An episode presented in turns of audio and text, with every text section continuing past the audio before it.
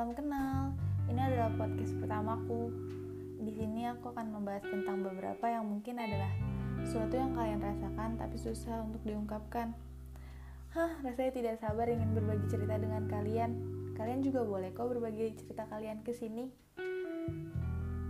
Hmm, menurutku sudah jangan lama-lama karena nanti takut sayang. Eh, nggak gitu maksudnya. Sudah ya, begitu saja. Semoga kalian suka. Bye bye.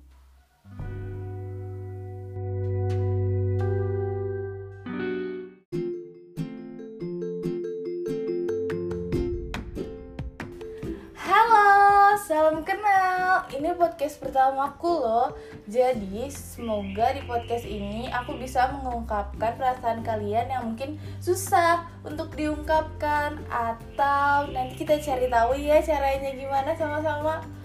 Hmm, um, untuk episode selanjutnya akan aku buat tapi semoga kalian suka introku ini ya dan see you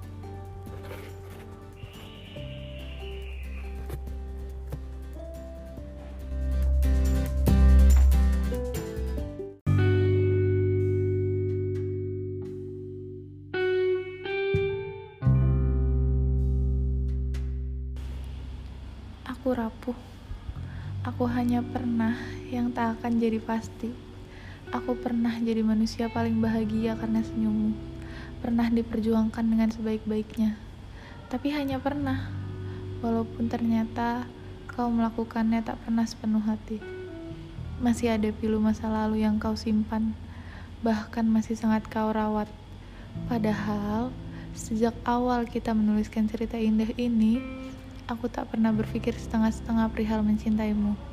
Tapi ternyata, bahagia yang kugantungkan padamu hanya semu.